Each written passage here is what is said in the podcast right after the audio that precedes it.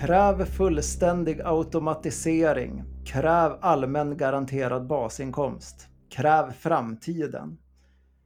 Inventing the Future är titeln på något så gammalmodigt som en bok som försöker peka ut riktningen åt en framtidsbejakande vänster. Det här är huvudtemat för det här avsnittet av Apans anatomi. Det är en stockholmare och en västerbottning som sitter där bakom mikrofonerna. Vi gjorde ett avsnitt ganska nyligen som vi kallade för Gasen i botten där vi introducerade, eh, vad fan ska man kalla det, typ en filosofi eller en tendens eller någonting som brukar kallas för accelerationism. Det är någon typ av, eh, ja, jag ska inte ens gå in på, på, på bakgrunden till det där, men eh, idag ska vi liksom gå vidare lite på det spåret och prata om någonting som brukar kallas för left accelerationism, eh, vänsteraccelerationism. Framförallt så, så är den här boken Inventing the Future och eh, ett föregående manifest som kallades för accelerationistmanifestet som vi ska snacka om. Och så lite sidospår. Vi, vi måste börja med, med liksom varför och när det här dyker upp. Och hej Mattias! Hej, hej, hej! Kan, kan, du liksom, eh, kan du ge lite bakgrund till det vi ska snacka om idag? När, när kommer den här när och varför kommer det här accelerationistmanifestet och mm. den här följande boken som vi kanske kommer att prata mer om, Inventing the Future, och av vilka och varför? Ja, ja det här är ju så himla märkligt hur, hur en teoretisk diskussion kan pågå någonstans, bli tyst, försvinna och sen plötsligt starta upp igen 10-15 år senare med ny kraft och ta nya riktningar. Så man kan väl säga vi har ju pratat mycket om krisprotesterna som var i efter eh, finanskrisen 2008 så kom hela den här vågen med arabiska våren och Occupy, torg, ockupationer, Indignados i Spanien. En hel våg av massrörelser som gick ut på gatorna mot krispolitiken, mot nedskärningspolitiken i Europa och i hela världen i stort sett. Så här. Men någonstans som, som det har varit med många av de här stora proteströrelserna på senaste tiden, liksom, oavsett om det är krisprotesterna eller globaliseringsrörelsen, så var man vann ingenting. Man uppnådde i stort sett ingenting. Det blev inga segrar. Det var, man började prata verkligen om det som eh, revolution, nu återskapar vi samhället underifrån, nu, nu ställer vi makten åt sidan. Och sen ur det där kommer någonstans en så här väldig besvikelse runt eh, 2013 kan man väl säga där ja, det finns ju massor med olika spår som börjar ta form där. Det här med vänsterpopulism som vi pratat mycket om börjar liksom växa igen. Är några som säger vi måste tillbaks, bilda partier, bilda partier, bilda partier. Liksom helst mm. populistiska partier. Eller vi måste gå in i socialdemokratin som håller på att kollapsa igen och ta över den, gå tillbaks.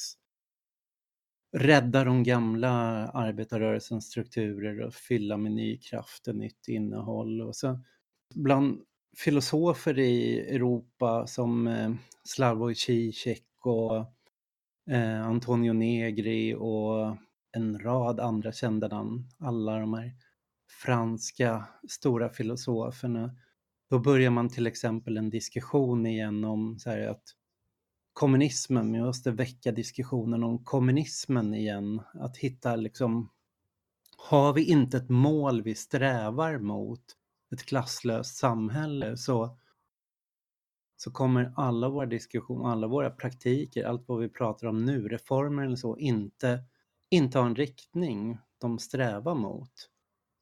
Mm. Och i Storbritannien så fanns det en rad olika bloggar som fanns. Det fanns Mark Fisher, en person som vi har pratat mycket om, som hade bakgrund i den här uh, accelerationismrörelsen, CCRU på 90-talet. Vi nämnde honom i förra avsnittet. Ja.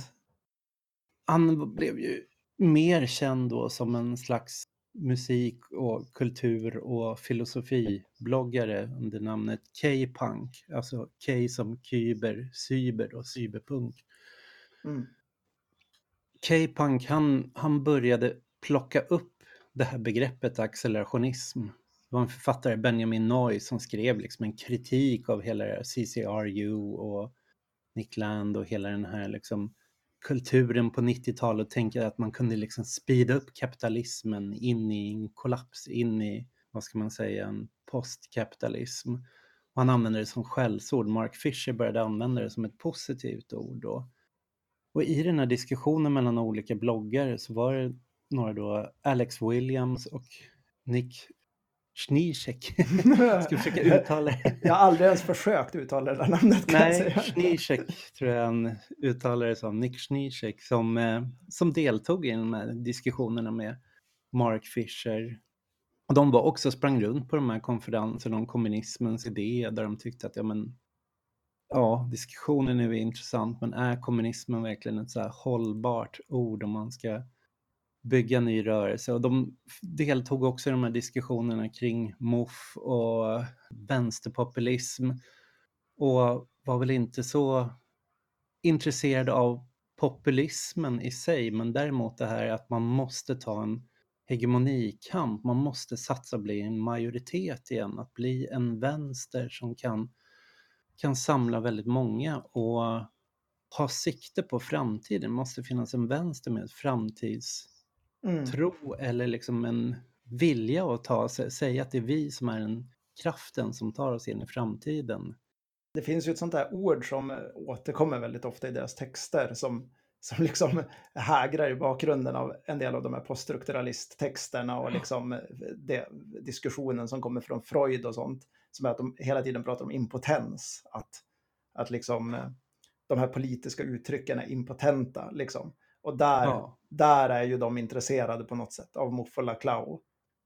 Kanske då inte som populism på det sättet att liksom göra det massan tycker enligt någon statistisk undersökning, utan mer att Mm. hitta till den här, till en potent position, till, till liksom någonting som verkligen gör skillnad, som förändrar. Liksom. Ja, för att de, eh, de pratar väldigt mycket om så här, deras utgångspunkt någonstans är att, eh, att framtiden har dött. Att framtiden för, alltså inom eh, diskussionen inom vänstern så, så man pratar inte om framtiden igen längre. Framtiden har ställts in, Mm.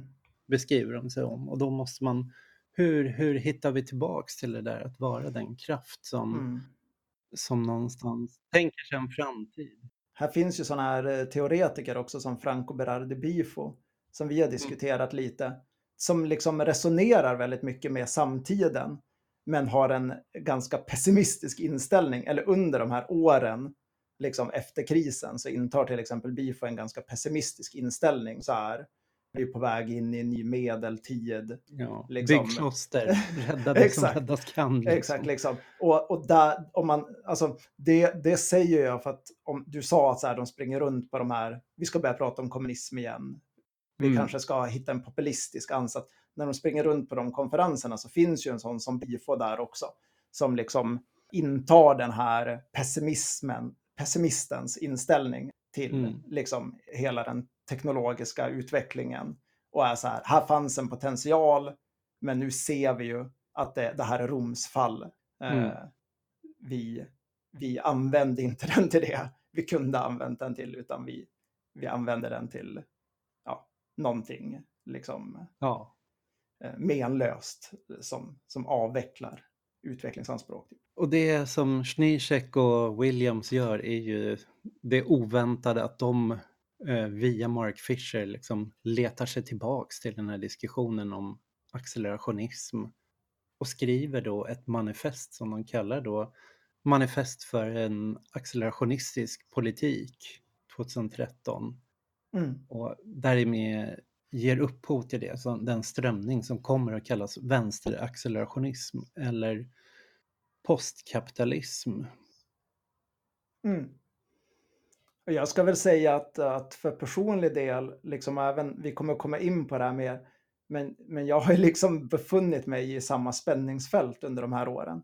Att, Mm. att liksom varit skeptisk till samma saker, förhållit mig lite på samma sätt till, samma teorier och därför blivit väldigt nyfiken på de här böckerna men inte riktigt så här. Det är inte så att jag fullt ut köper den här idén ändå liksom.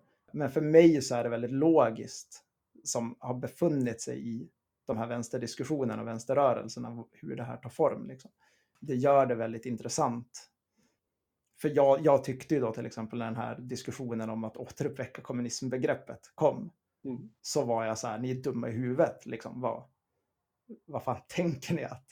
Att börja liksom använda ett begrepp som merparten av mänskligheten ofelbart förknippar med att skicka folk till läger, liksom, leva i diktaturer. Att liksom försöka knyta ett, ett positivt mål till det begreppet är ju liksom så jävla dumt tycker jag. Och jag vet att du och jag inte håller med varandra fullt ut i, i den här diskussionen. Liksom. Men, men så här, det, det, är ganska logiskt liksom, hur de här sakerna sker i spänning till varandra, som du har nämnt. Mm.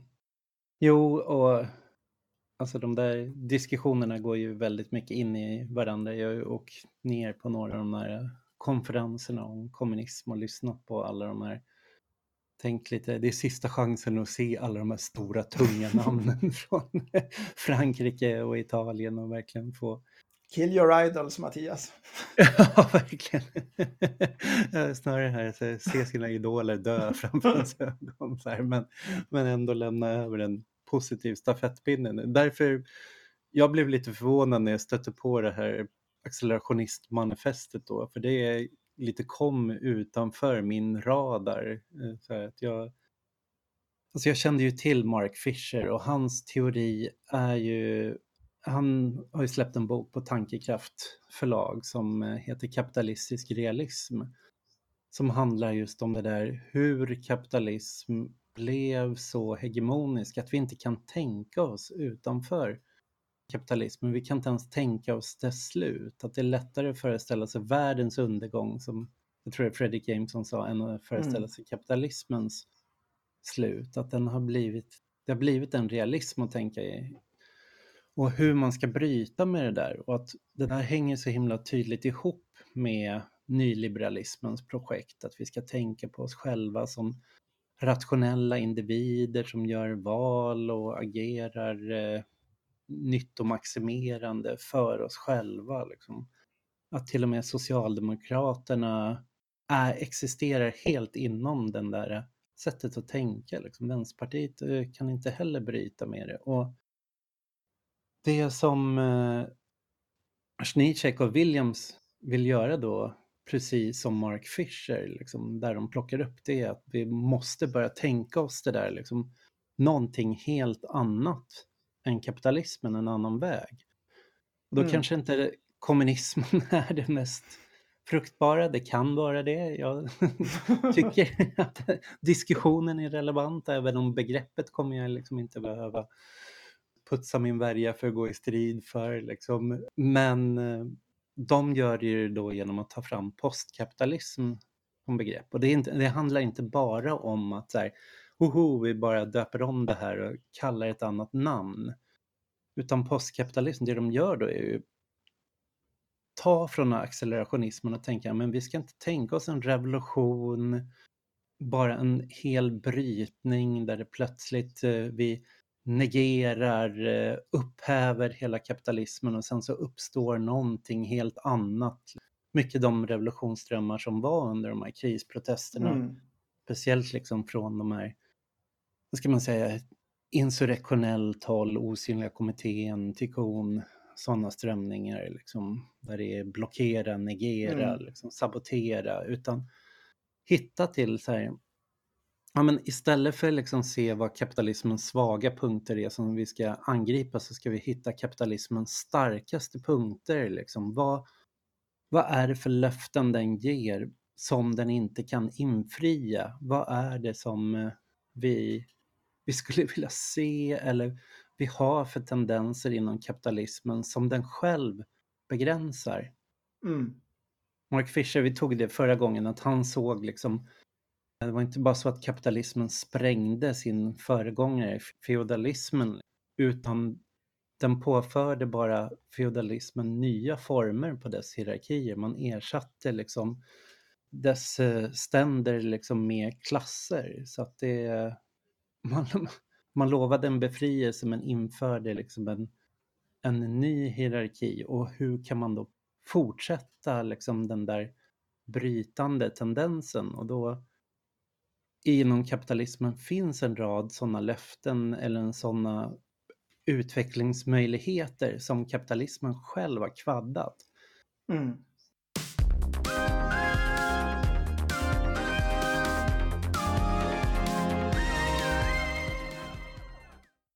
Vi försöker göra det här lite konkret nu. Liksom.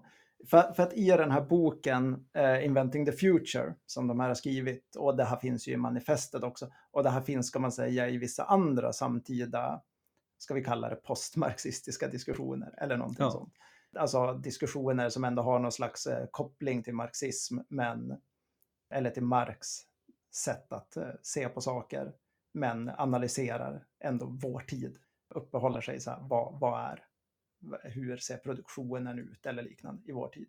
Då är ju en väldigt stor sån diskussion som har funnits och som finns mycket i de här böckerna är ju att diskussioner kring patenter till exempel. Jag tror att de, mm. de tar ju mycket exemplet med läkemedelsindustrin till exempel eller man brukar ju ofta prata om eh, eh, patentering av fröer, jordbruk, sånt. Internet har ju varit en stor sån här diskussion kring hela tiden egentligen.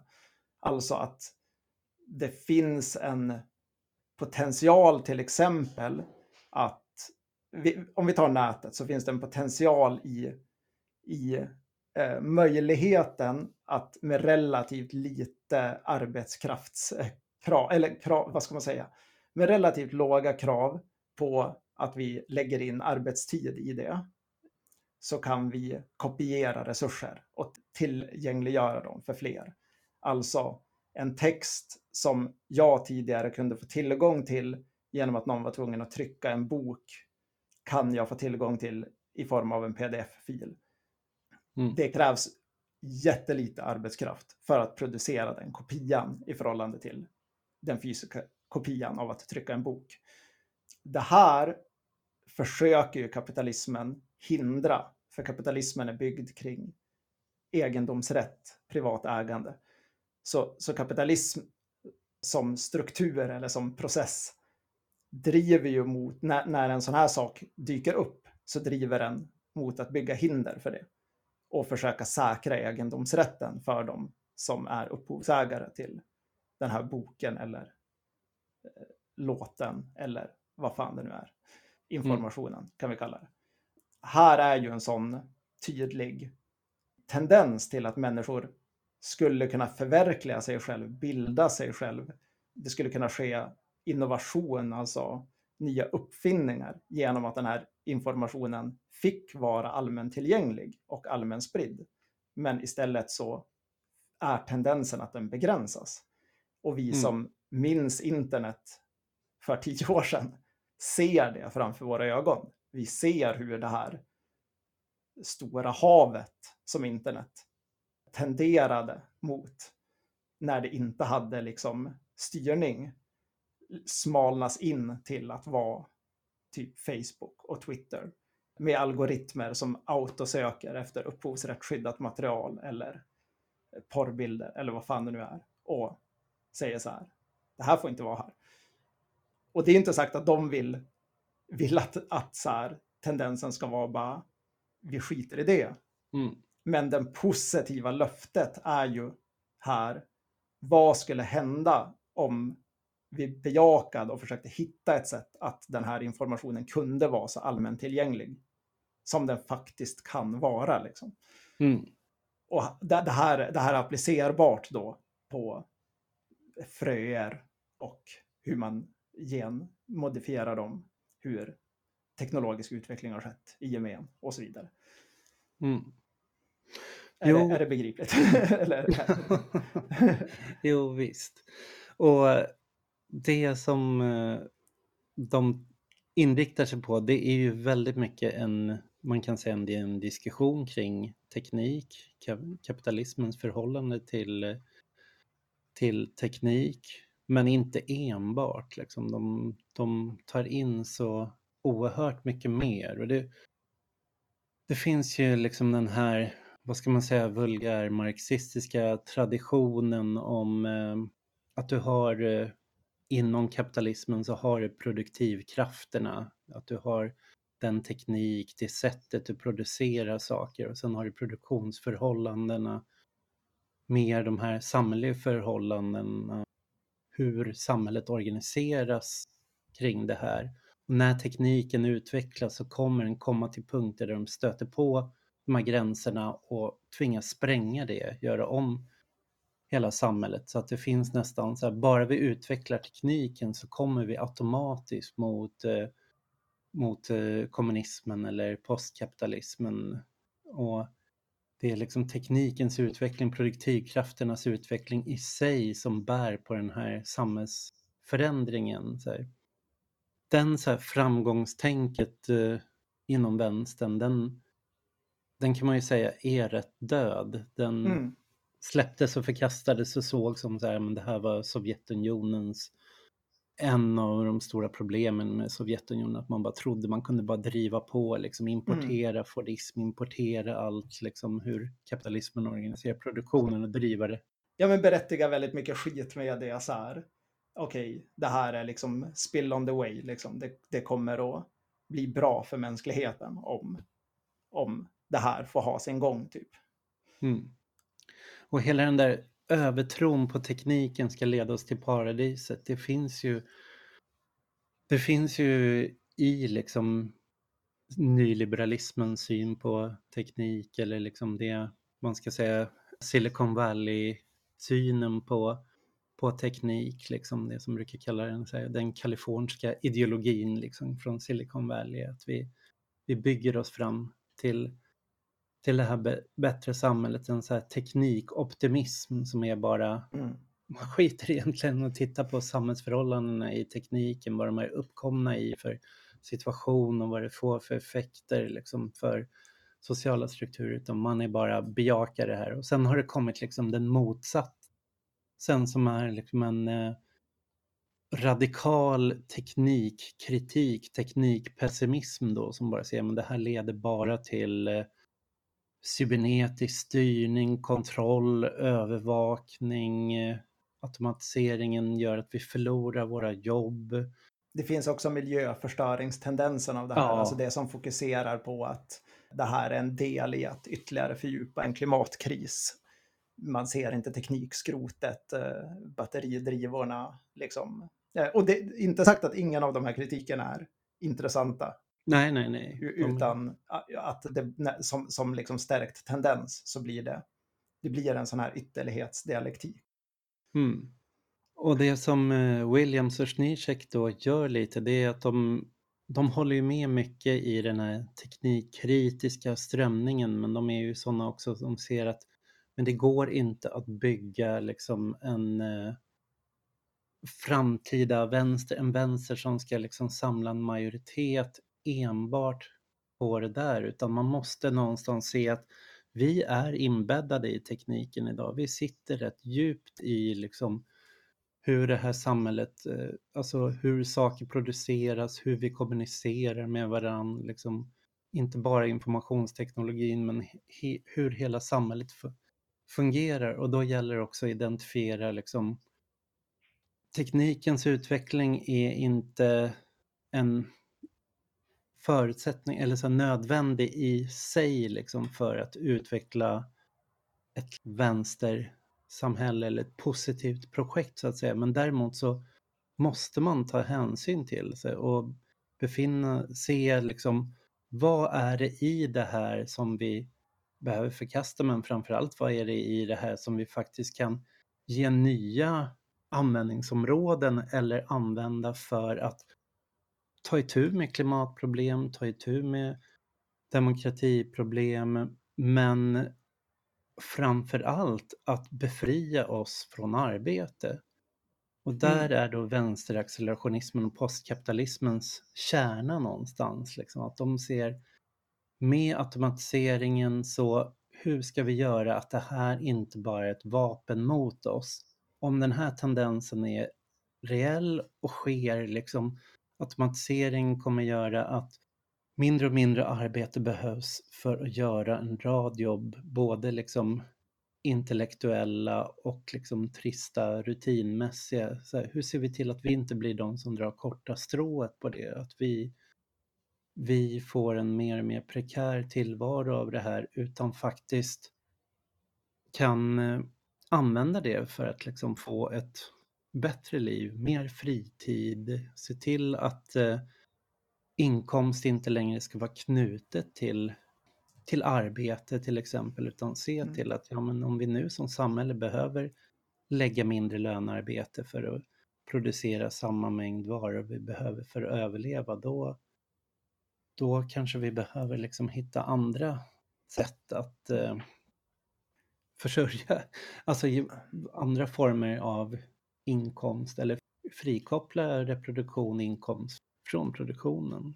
Mm. Och alltså det, jag, jag, tror ändå att det är viktigt att här, göra brasklappen här att när man pratar om arbete i sådana här sammanhang och bara säger mm. begreppet arbete så, så är det lönearbete vi pratar om. Alltså det är kopplingen mellan att man utför en syssla och den typen av exploateringsrelation. Alltså det finns en boss och, och du får lön. Liksom. Ja. Du får din inkomst kopplat till till din uppmätta prestation i den här sysslan. Liksom. Vilket ju inte är samma sak nödvändigtvis som att vara sysselsatt. Alltså, även i, i nationalekonomi så har man ju de begreppen. Alltså man, har, mm. man, man separerar sysselsättning från lönearbete. Liksom. Vilket ju många blir förbannade på och säger så här, man döljer den egentliga arbetslösheten när man pratar om sysselsättning. Liksom. Så, mm. Sådana saker förekommer i, i liksom allmän politisk debatt, men poängen är lite så här att jag kan ju hänga med några kompisar och fixa lekparken på min gård mm. som är en allmänning som vi driver gemensamt. Och det är inte en relation som är lönearbete. Den, har ju ändå, den knyter ju ändå an till lönearbetsrelationen i massa olika bemärkelser för att vi lever i en kapitalistisk hegemoni där det är centrum. Liksom. Det vill säga för att jag ska kunna vara med i den där allmänningen så måste jag ju ha fått pengar så att jag har, får mat någonstans ifrån och så vidare. Men just i det specifika sammanhanget så behöver det inte vara lönearbete utan det kan vara en sysselsättning som jag gör av helt andra, på helt andra grunder än, mm. än den relationen. Liksom.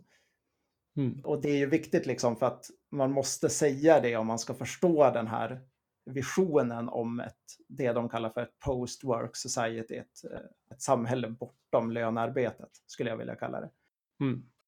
Och då idén om en garanterad basinkomst som lite är, som jag sa i början av det här avsnittet, är liksom en av parollerna på, redan på omslaget av den här boken Inventing the Future. Mm. En garanterad basinkomst är ju då idén om att alla människor i samhället får villkorslöst ett levebröds, en levebrödsinkomst.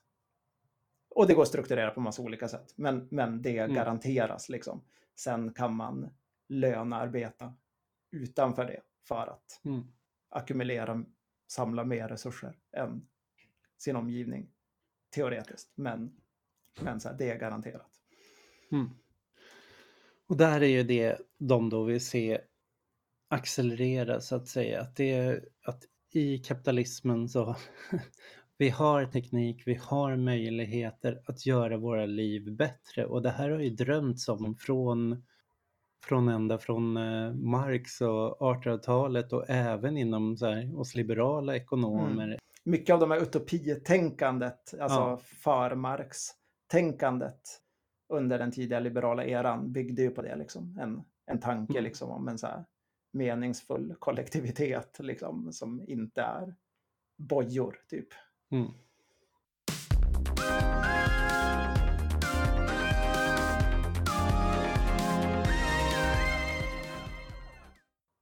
Och det fanns ju liksom hos uh, ja, Taylor som införde den här, vad ska man säga, vetenskaplig management inom uh, den industriproduktionen för disp. Mm. Och Keynes. Ja, det kanske var Keynes som sa Men han såg ju också att men, det här kommer leda till ju mer vi automatiserar, desto mer kommer leda till att friheten inom eh, hundra år, vad ska man säga, kommer öka oerhört mycket. Folk Mm. kommer inte behöva jobba längre. Och socialdemokratin, Ernst Wigforss, han, han pratar väl också om så här fritidslinjen, att säga, men det här, vi kommer få mer och mer fritid. Nej, nej, men det där Wigforss-citatet brukar ju cirkulera som Ja. meme. Han var ju, vad fan var han, socialdemokratisk finansminister Mm. på förr.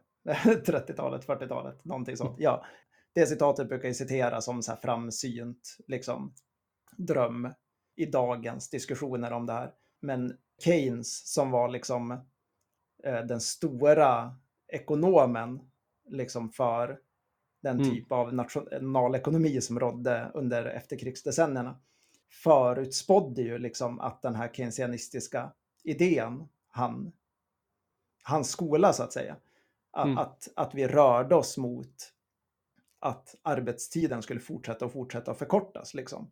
Och Mm. det gjorde den ju under, några eller liksom under 1900-talet, men han, han trodde att, att där vi är idag så skulle den vara nere på två timmar. Liksom. Mm.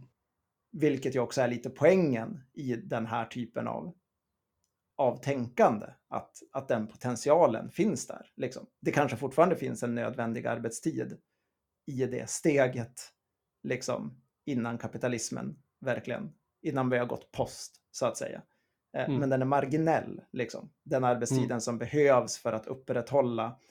eh, Och när, när, jag, när jag säger behov nu så menar jag inte att få i oss potatis. Liksom. Då menar jag behov som är att upprätthålla våra förväntningar av, av modern tillvaro. Alltså att bo i en modern bostad, att äta ett brett sortiment av mat, att ha datorer, tv-apparater, vad fan man nu tänker sig i en modern tillvaro. Eh, åka flyg. Den tiden som krävs för det är egentligen minimal.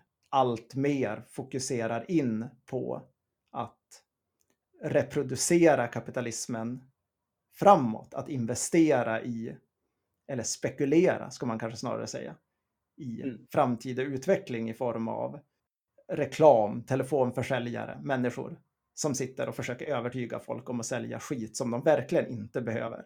Att tillverka varor som är helt onödiga, att patentera saker som egentligen är i princip gratis att kopiera och tvinga på folk att betala avgifter för att använda dem, trots att det inte kostar någonting att skapa dem. Ja. Sådana saker. Mer och mer av ekonomin graviterar kring det. Liksom. Och den här arbetstiden som krävs för de moderna grundbehoven är Mm. liten. Så frågan är ju då om kapitalismen någonstans har funnits det här löftet om att vi ska befrias från arbetet, men vad står vi idag då? Och då har ju liksom arbetstiden ökar, man ska höja pensionsåldern, arbetet har blivit mer fragmentiserat, mer liksom snuttifierat, liksom gigekonomin har kommit att mindre och mindre små serviceuppgifter som vi genomför Mm. privat liksom nu dras in i den kapitalistiska ekonomin och liksom blir arbetat. Vi har rört oss i motsatt riktning och det är där någonstans de ser att ja, men här måste vi gå in i en så här närstrid och liksom föreställa oss, börja presentera att vi vill ta den här utvecklingen i en annan riktning. Liksom. Mm.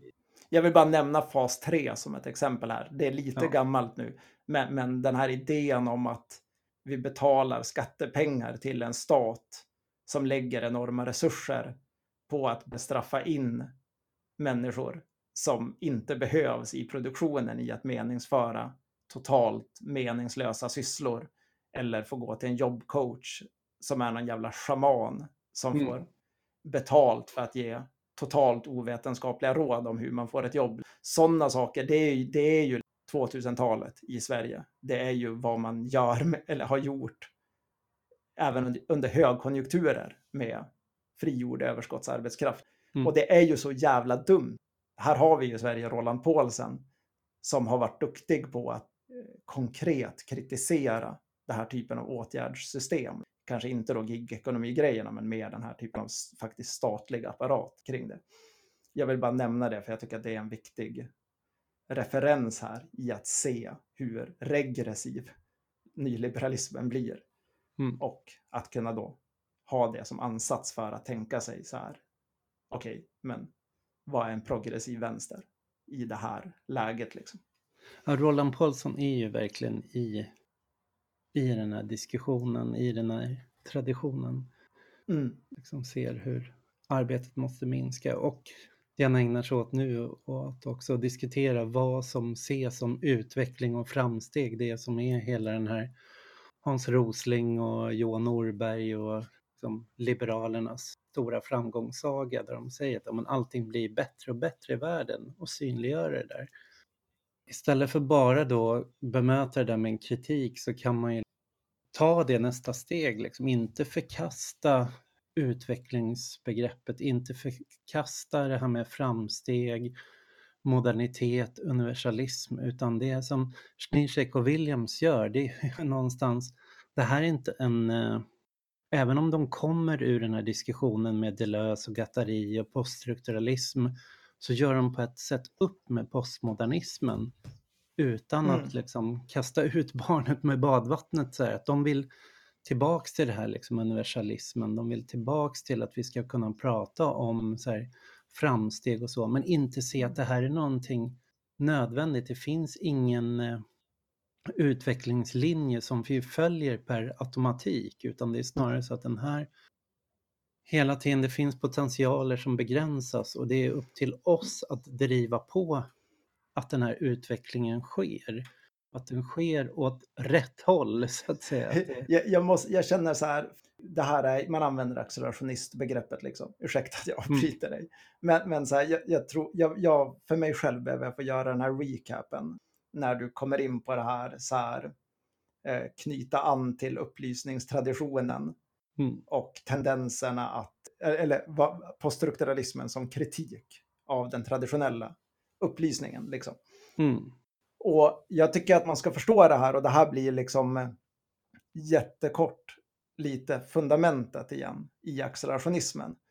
Att liksom en grund av det som är gemensamt i den, i det, de texterna som man plockar in när man pratar om accelerationism, det är ju att det är liksom kritik som på olika sätt har identifierat banaliteten eller förenklingarna i upplysningstänkandet. Det, här, det vi har nämnt många gånger, historien som en trappa till exempel. Mm. Eller som Deleuze och Gattari pratar om mycket, att försöka att tänka sig saker i trädstrukturer, pratar ju de om. Mm. Här finns ju också förnuftsidén, alltså idén om att en individ har kapaciteten, alltså en individ verkligen, har kapaciteten att förstå och tygla och behärska naturen. Och det här finns ju, om man har läst Kapitalet eller liknande, så ser man det här hos Marx, det här upplysningstänkandet, att vilja slänga sig med hela vetenskapen, typ. Mm. Att så här, han ska bevisa sin teoris allmängiltighet genom att visa så här, jag kan matematik. Bara, Nej, det kan du inte alls. Och så här, jag kan det där och jag kan det där. Alltså, det är så här fett breda referenser för att ge någon slags vetenskaplig karaktär till det här. Dialektik går ju in i det här upplysningstänkandet som då Gattari och Deleuze också kritiserar mm. som en typ av reduktionism, en förenkling av en komplexitet till inre spänningar. Det, det har vi snackat om förr. Vad försöker jag säga här? Ja, ja, men den här kritiken, och det här är ju det Bifo till exempel var väldigt intresserad av. Att i den här kritiken så finns det ju en slags öppning för en ny upplysning. Mm. Det finns en öppning för, inte att säga typ all den här rationalismen var idiotisk, vi ska bli jägare och samlare igen, utan den här rationalismen var för banal. Vi måste ta in många, många, många fler parametrar och vi måste också tänka oss att vi som individer inte behärskar, våra hjärnor behärskar inte att hålla alla tankar i huvudet samtidigt, att se alla samband i hur saker hänger samman. Det betyder inte att man förkastar ett sanningsbegrepp. Det betyder bara att man är ödmjuk inför hur många saker man måste ta hänsyn till. Och att man kanske inte alltid kan förstå det. Och nu ska jag försöka komma tillbaka till det här ämnet, för att i det här, det här löftet om en ny upplysning, det är ju liksom ett, för mig i alla fall i accelerationismen, så är det ett frö till en idé om högre samverkan. Att när man slutar tänka på det här förenklade, reduktionistiska sättet, så öppnas det en dörr till en högre samverkan, alltså synen på att människor och teknik kan vara sammanlänkade till varandra i komplexa nätverk till exempel. Och utan att kanske förstå eller se hela systemet kan fylla en funktion i det och spela en roll och att det är meningsfullt. Här är igen en liten internetreferens då. Och det här har ju, de använder ju det här begreppet ibland, de vi diskuterar nu, som jag aldrig kan uttala namnen på. Socioteknologisk kropp brukar de kalla det. Mm. Och där, det här mikroskopiska, alltså det jag gör i min vardag, samverkar med någon typ av makroperspektiv som driver till att mänskligheten får det bättre. Men där det kanske inte är så här linjärt tydligt hur det är exakt samma sak.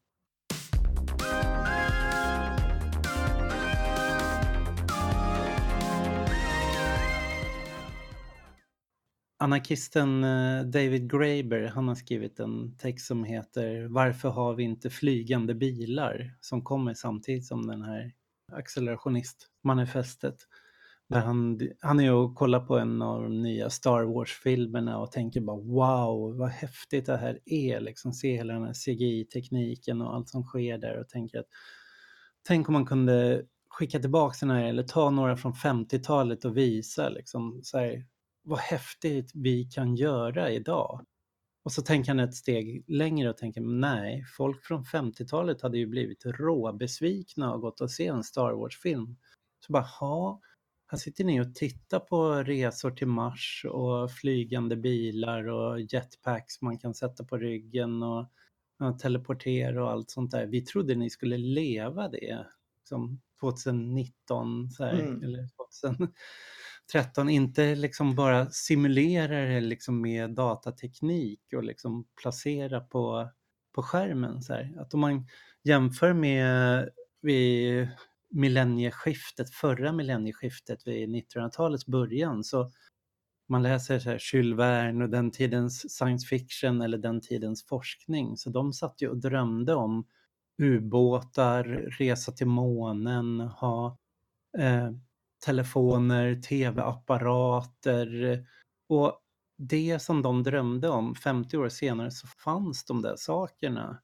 Medan det som inte bara inom science fiction på 50-60-talet utan även inom forskning, det man trodde skulle ske, idag har inte inträffat, det har inte infriats på något sätt. Att vi har en himla utveckling när det gäller mindre och mindre mikrochips och kunna liksom lagra mer och mer information i en dator, få snabbare processorer. Men när det gäller övriga innovationer så står det faktiskt rätt still sedan 60-talet. Liksom. Man har inte kommit till, man har inte landat på månen och mer. Att de snabbaste man har flygit, liksom högsta hastighet man uppkommit eh, var i slutet av eh, 60-talet. Att de nya energiformerna som man, när man börjar titta på eh, eh olika former av elektromagnetism eller sådana saker. Det, de upptäckterna gjordes också då. Man har inte kommit fram någon nya energiformer, någon ny liksom revolutionerande teknik egentligen. Så att forskningen har gjorts och sen så har det tagit lång tid innan saker har, har börjat tillämpas, användas. Så på ett sätt kan man säga att den tekniska utvecklingen har många sätt bromsats av. Och det David Graver sitter och funderar på då, så här, vad är det, så här, var man helt fel ute? Och, var man ute och cykla på 50-60-talet jämfört med liksom runt 1900-talets skifte? Eller är det så att den här utvecklingen har, har stoppats någonstans? Att det, man har inte velat släppa fram den för att har man tagit fram, använts av den här tekniken så har det hämmat vinstintressena, hämmat eh, möjligheten till att, till att göra profit och så. Och den diskussionen är ju väldigt intressant, liksom. varför att, för då kan man börja prata om framsteg och utveckling på ett annat sätt. Liksom. Att eh, en fossilindustri, eh, utsläpp, det är ju inte en utveckling utan det är ju bara att vi, vi kör slut på planetens resurser och vi försämrar hela vårt eh, klimat för att utvinna liksom, tillfällig energi som vi kan ersätta visst arbete med just nu utan ens, ens minska vår arbetstid utan vad är det liksom som eh, kapitalismen inte släpper fram? Där finns det då liksom ett utvecklingstänk som är mycket mer kopplat till en form av, vad ska man säga, klasskamp eller liksom där vi måste driva på utvecklingen i ett visst mm. håll snarare än att se att det är kapitalismen som kommer stå för den utvecklingen utan den snarare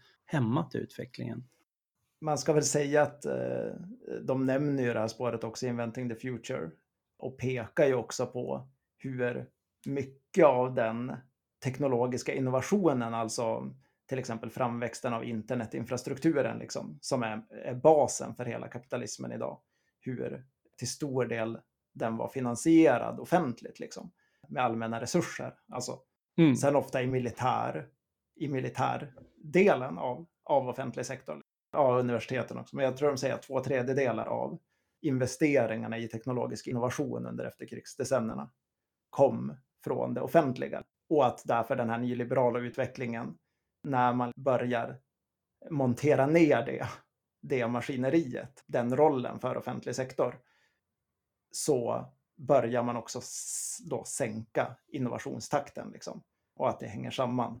Jag ska inte gå in på det sidospåret mer än att nämna det. Liksom, jag tycker att det är intressant för att det knyter an till, till en annan bok som då, vi, vi sa ju, alltså det här manifestet kom ju Eh, 2013 och den här accelerationist-readern som vi snackade om lite i det här gasen i botten-avsnittet, alltså den här samlingen av texter som försöker göra en linje över accelerationist kommer året efter och så kommer den här Inventing the Future 2015.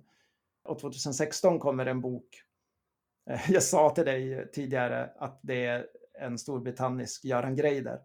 Paul Mason heter han, BBC-journalist som bevakade krisen i Grekland. Så han släppte en bok som heter Postcapitalism, som är lite temaordet vi har använt för den här vänstertendensen. Liksom. Och man kan väl säga att den boken är en popularisering, liksom, eller ett försök att så här, att det här är lite en akademisk diskussion. Och Mason, jag ska inte säga att han lyckas, men han försöker att introducera den för mycket bredare skaror i det här boksläppet. Det är Ordfront tror jag som har översatt den till svenska. Den heter mm. Postkapitalism. Och anledningen till att jag nämner det är att för Mason gör ju samma sak som de i, i den boken som de gör i Inventing the Future. Även om man säger sånt här som att offentliga investeringar finansierade väldigt mycket av innovationen så har man tillräckligt mycket kritik för att hålla borta den där impulsen att bli någon typ av cyberstalinister. Alltså att vilja mm. bara återupprätta typ ett Sovjet i internettid. Mm.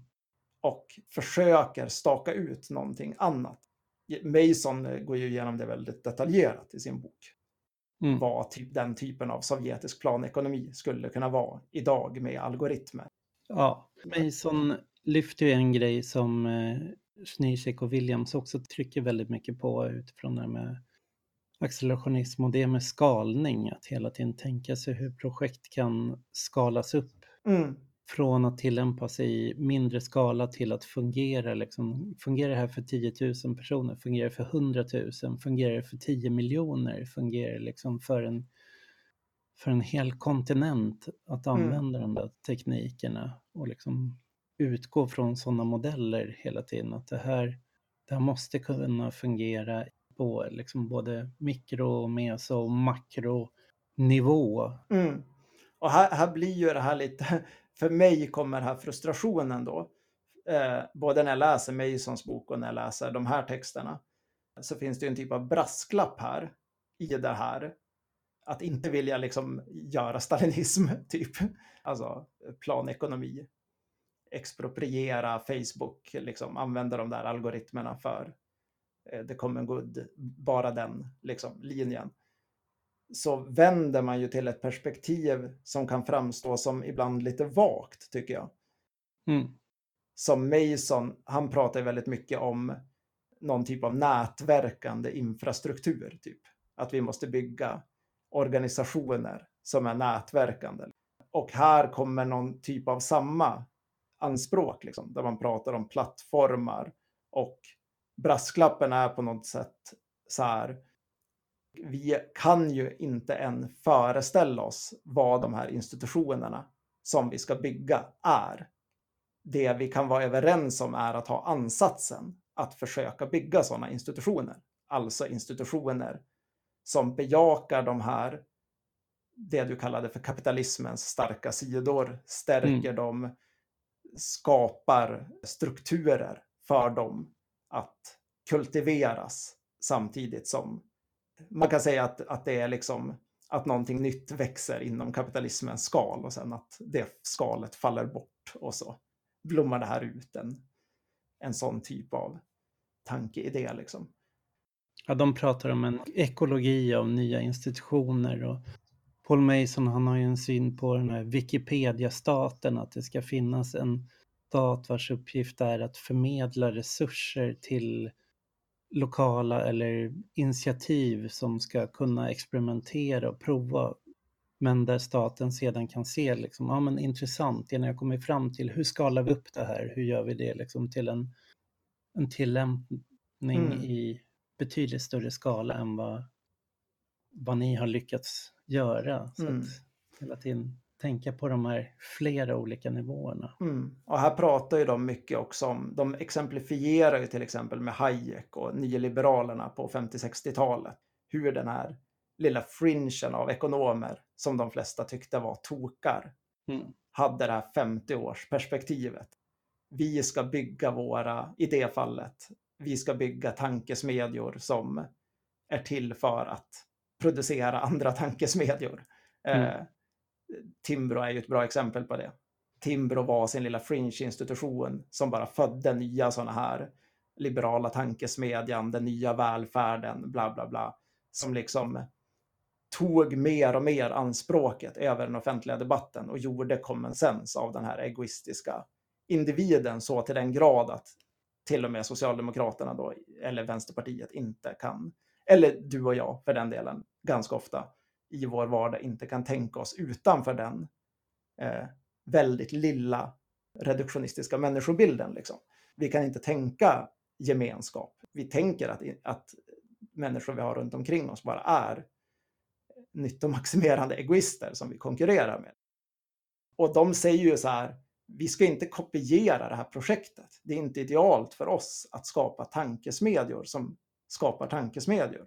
Men vi måste tänka oss någonting liknande. Alltså vi måste mm. tänka oss att vi är i ett liknande läge och att det är så vi bygger upp det här mm. nätverket av institutioner eller hur, vad man nu kallar det. Liksom. Mm.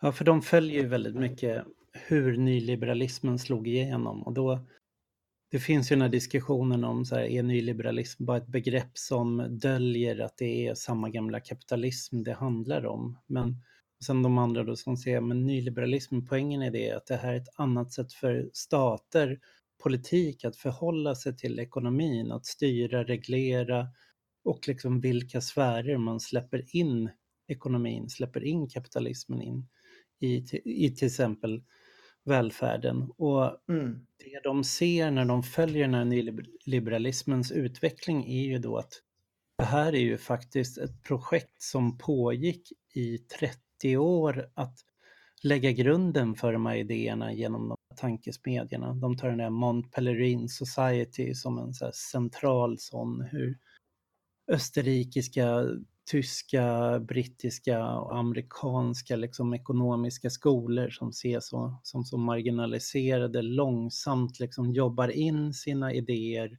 och till slut liksom, när den ekonomiska krisen, energikrisen, slutet på det man kallar Bretton Woods, eh,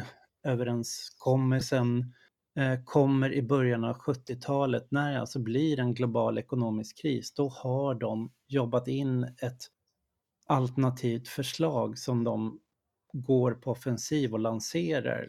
Och där Thatcher, mm. Reagan, alla kommer från den här diskussionen. Chicago-skolan som tillämpar det liksom i Chile, Argentina, liksom i Sydamerika.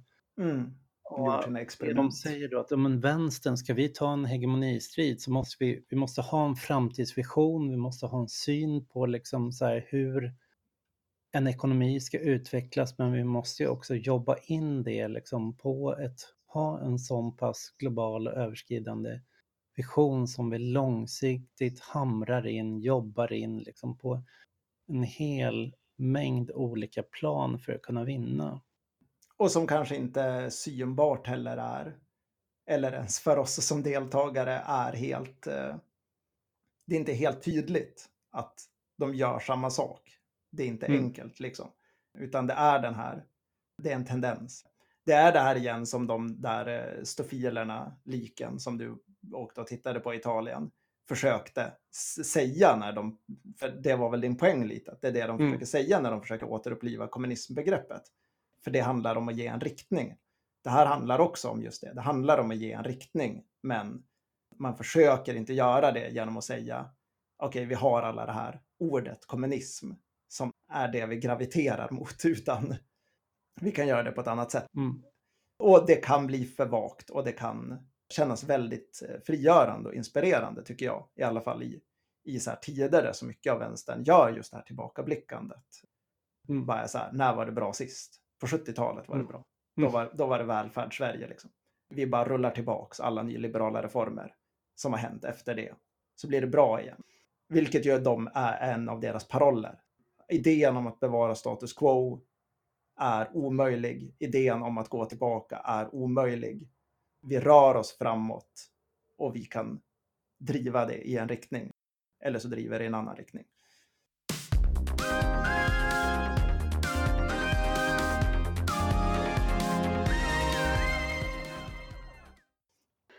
Hela den här boken börjar ju väldigt mycket med en dissektion av någonting de väljer att kalla för folkpolitics.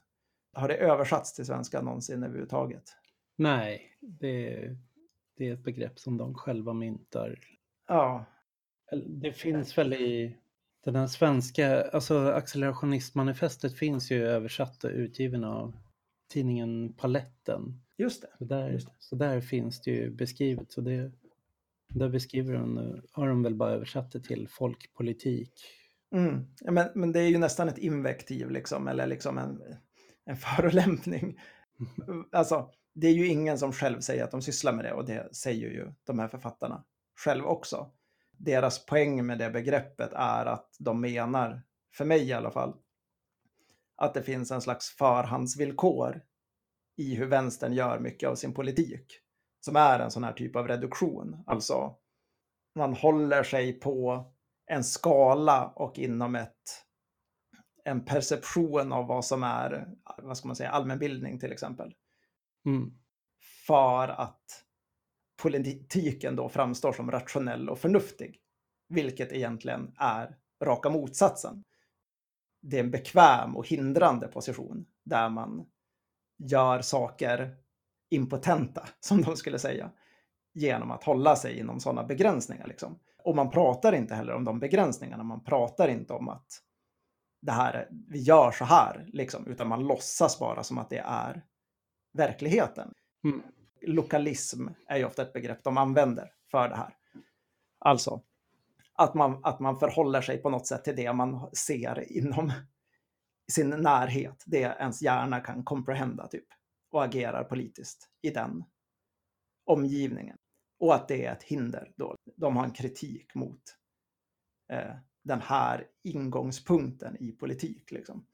Eh, det är väl där, där den här boken börjar egentligen, ganska mycket. Mm. Och för mig och dig som har sysslat ganska mycket med sån politik så, så, är ju det lite, det är ju intressant men det är också lite, ska man säga, jag i alla fall reagerar lite reflexmässigt dåligt mot det liksom. Mm. Eller så här, jag blir polemisk och jag så här, jaha, men vad då? Vad, vad ska vi göra istället? Ska vi vara abstrakta typ? Mm. Men jag tycker att det på något sätt är det de bygger in successivt i den här boken, är att ändå, inte att komma kanske hela vägen dit, men att försöka röra sig till en idé om, om hur ett vänsterprojekt kan se ut och hur man kan tänka kring politik bortom det här. Liksom. Ja, för Oston, vad är problemet med vänstern då? Och det är ju precis som du tar upp med att vänsterns perspektiv någonstans med när Sovjetunionen föll, när eh, välfärdsstaten började rasa samman, när man gav efter för nyliberalismen så släppte man hoppet om en, om en alternativ framtid. Man, eh, slut, man sa att de stora narrativen hade dött men ett narrativ överlevde. Det var ju liksom det här, den kapitalistiska realismen som Fischer säger. Så det man retirerar till då och som Zizek och Williams lägger hela sin kritik mot det du tog upp som folkpolitik, det är ju den här synen på att bara jobba i det lilla, bara jobba i det nära, i det vardagliga, i lokalismen, att tänka på hur kan jag leva ekologiskt? Hur kan vi skapa ett community där vi organiserar våra grannar, där vi har en ekologiskt jordbruk, där vi bygger våra lokala fackklubbar, hyresgästföreningar. Man kan ju säga också att kommuner gör, agerar ju också väldigt ofta så här, alltså ja. statliga institutioner, eh, när de ska liksom visa så här, vi jobbar med hållbarhet, så gör ju de ofta det också genom den här typen av symbolism, liksom. att, att så här, hitta ett mikroexempel där man kan visa mm. så här, det här är vårt hållbarhetsexempel. Och så kan allt det andra vara åt helvete, liksom. fossilberoende och så. För att här är det liksom det som är det goda samvetet och gör att just jag känner mig tillfreds med att jag gör rätt liksom. Som statlig mm. tjänsteman eller kommunal tjänsteman eller vad det nu är. Ja. Och här riktar, riktar de ju mycket kritik både i sitt manifest och i den här Inventing the Future där de ägnar hela kapitel åt det här med folkpolitik där de säger att problemet med ockupationer eller Occupy, torgockupationer och direktaktionskampanjer och så här horisontella antihierarkiska initiativ är att det ofta fastnar då i, man lämnar aldrig det här direkta omedelbara aktionen och tänker sig på hur ska det här bygga en större kraft i samhället? Hur ska det här nå en majoritet? Hur ska det bli ett, eh, ett hegemoniskt projekt? Eh, man bromsar och säger bara, men vår uppgift är bara att reaktivt hindra ett problem, hindra en försämring, hindra en utförsäljning, hindra... Så blicken blir på ett sätt ställd bakåt då, eller bevarande av ett status quo. Det finns inte det här här är de här som leder till en annan framtid, en annan... Att de går inte att universalisera, de går inte upp. Och deras lösning är ju inte bara då liksom gå tillbaks till staten, nationen, partiet. Det är inte det som är deras poäng, utan det är någonstans här liksom, hur kan vi skapa att inte, vi ska inte sluta med direktaktioner eller ockupationer, men vi måste se hela tiden tänka så här, vad är konsekvenserna av de här aktionerna och leder de oss framåt? Bygger vi en, en makt som går att skala upp och liksom koppla till ett betydligt större projekt i det här vi gör? Vi kanske får avrunda det här samtalet för idag och, och liksom hitta tillbaks till det här på andra vinklar en annan dag, eller vad säger du? Mm,